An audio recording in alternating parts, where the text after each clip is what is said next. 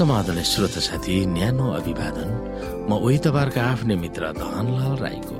श्रोत साथी आज म तपाईँको बीचमा बाइबल सन्देश लिएर आएको छु। आजको बाइबल सन्देशको शीर्षक रहेको छ कठोर परीक्षा वा महासङ्कटमा पर्खेर बस्नु भन्ने बाइबल सन्देशको उपसंहार।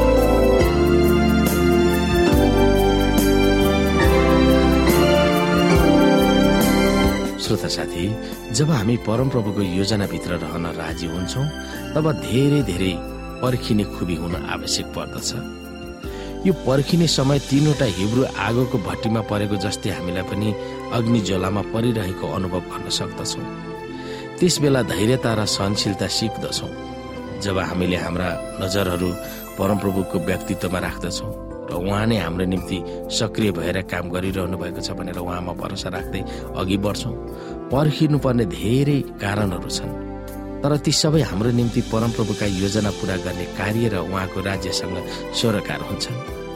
परमप्रभु भन्दा अघि हतार हतारमा दुगुर्यौँ भने हामीले धेरै थोक गुमाउनु पर्ने हुन्छ। तर उहाँमा भरोसा राख्ने मनस्थितिले र उहाँमा आनन्द हुने मिजाजले हामीले धेरै थोकहरू पाउन सक्छौँ। हामीहरूको प्रत्येक परीक्षा कष्ट पीडा आदि उहाँले जोख्नुहुन्छ र नाप्नुहुन्छ। मेरा दुःख कष्ट र पीडाहरूमा परमप्रभुको लक्ष्यलाई म पट्न सक्दिनँ। तर मेरो लागि के उत्तम छ सो उहाँलाई थाहा छ। मेरो सबै आत्मा जोस जागर शरीरलाई उहाँलाई समर्पण गर्नेछु।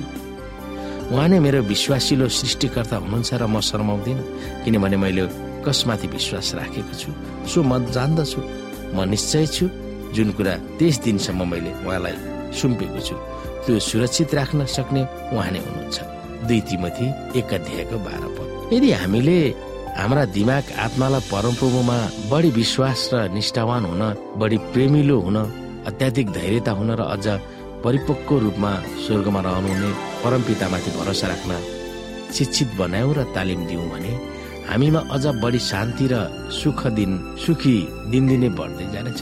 त्यो पनि जीवनको अनेकौँ द्वन्द्वमा। यीशुको पाखुराबाट बाहिर रहेर हामी चिन्ता फिक्री दिक्क उदासीन परमप्रभु चाहनुहुन्न र कोही पनि इसाई भनेर दावी गर्नेहरू त्यस त्यस स्थितिमा आफूलाई पार्यो भने उहाँ प्रसन्न हुनुहुन्न। अझ धेरै चुपचापसँग पर्खिनु र चनाको दुवैलाई मिलाउनु आवश्यक छ। कतिपयले ममा मलाई उत्तेजना गर्ने भावनाहरू उर्लेर आएन भने म ठिक बाटोमा छैन भनेर सोच्दछ र त्यसको निम्ति अवसरहरू खोज्दछौँ। तर आत्मिक अनुमानमा उत्तेजित वा ममा पवित्र आत्मा आयो भनेर भाव भएर उफ्रनीको लेखाजोखा राखिने बरु विश्वासको चाहिँ चाहिन्छ। यहाँ केही हामी चिन्तन मननहरू गरौँ। हाम्रो सबै दुःख कष्ट र परीक्षा र पीडालाई यसले नाप्नुहुन्छ र जोख्नुहुन्छ भन्नुको अर्थ के हो? यो कुरा थाहा पाएर हामीलाई पर्खन कसरी सहयोग हुन्छ? धैर्यतापूर्वक पर्खिँदा डर त्रास र आनन्दको अनुभव गरेका विश्वासीहरूको व्यक्तिगत गवाई हामी सुन्न सक्छौँ। तिनीहरू कसरी सहनशील हुन सके? तिनीहरूले के सिके? कुन प्रतिज्ञाहरूमा तिनीहरू झुन्डिरहे? केही कुरा पर्खिँदा पीडादायी भएका मानिसहरूलाई तपाईँ र चर्चको हैसियतले कसरी सहयोग गर्न सक्नुहुन्छ? धैर्य धारण र सहनशीलताको निर्माण गर्न प्रार्थना र साधनामा के भूमिका छ? के कोही अरूहरू छन् जसको निम्ति तपाईँ प्रार्थना गर्नु भएर तिनीहरूको जीवनमा धैर्यताको निर्माण गर्न पवित्र आत्माले सघाउँछन्। श्रोता साथी हामी ती कुराहरूलाई बुझ्न सक्दछौँ। श्रोता साथी हामी धेरै समयहरू उदासीन हुन्छौँ। हामी दिक्क मान्छौँ। धेरै समयहरू हामीले निराशामा बिताएका छौँ। धेरै समय हामीले अप्ठ्यारोको बादलहरूमा बिताएका छौँ। हामीलाई दुःख कष्टहरू कसरी आइपर्छन्? किन आइपर्छन्? ती कुराहरू हामी सोच्न सक्छौँ। तर परमप्रभु परमेश्वर जो तपाईँ र मेरो परमेश्वर। हरेक कुराहरूमा हाम्रो लेखाजोखा राख्नुहुन्छ। हामीले उहाँको महिमा प्रशंसा आदर सम्मान भक्ति गर्यो भने उहाँले हाम्रो निम्ति शान्ति दिनुहुन्छ। त्यो शान्ति कायम राख्नुहुन्छ। जब हामी साबतलाई पालना गर्दछौँ अप्ठ्यारोमा परेका खाँचोमा परेकाहरूको निम्ति सहायता गर्दछौँ तब परमेश्वरले हामीलाई हरेक कुरामा सहायता गर्नुहुन्छ। हामीलाई दुःख कष्टहरू आइपर्छन् त्यो कुराहरूमा हामी पर्खनु पर्दछ। उहाँको योजनालाई हामीले खोज्नु पर्दछ।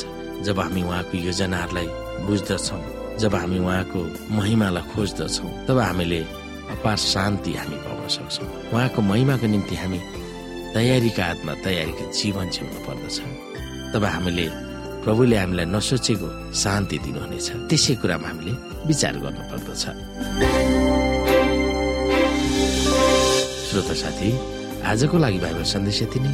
हस्त नमस्ते जय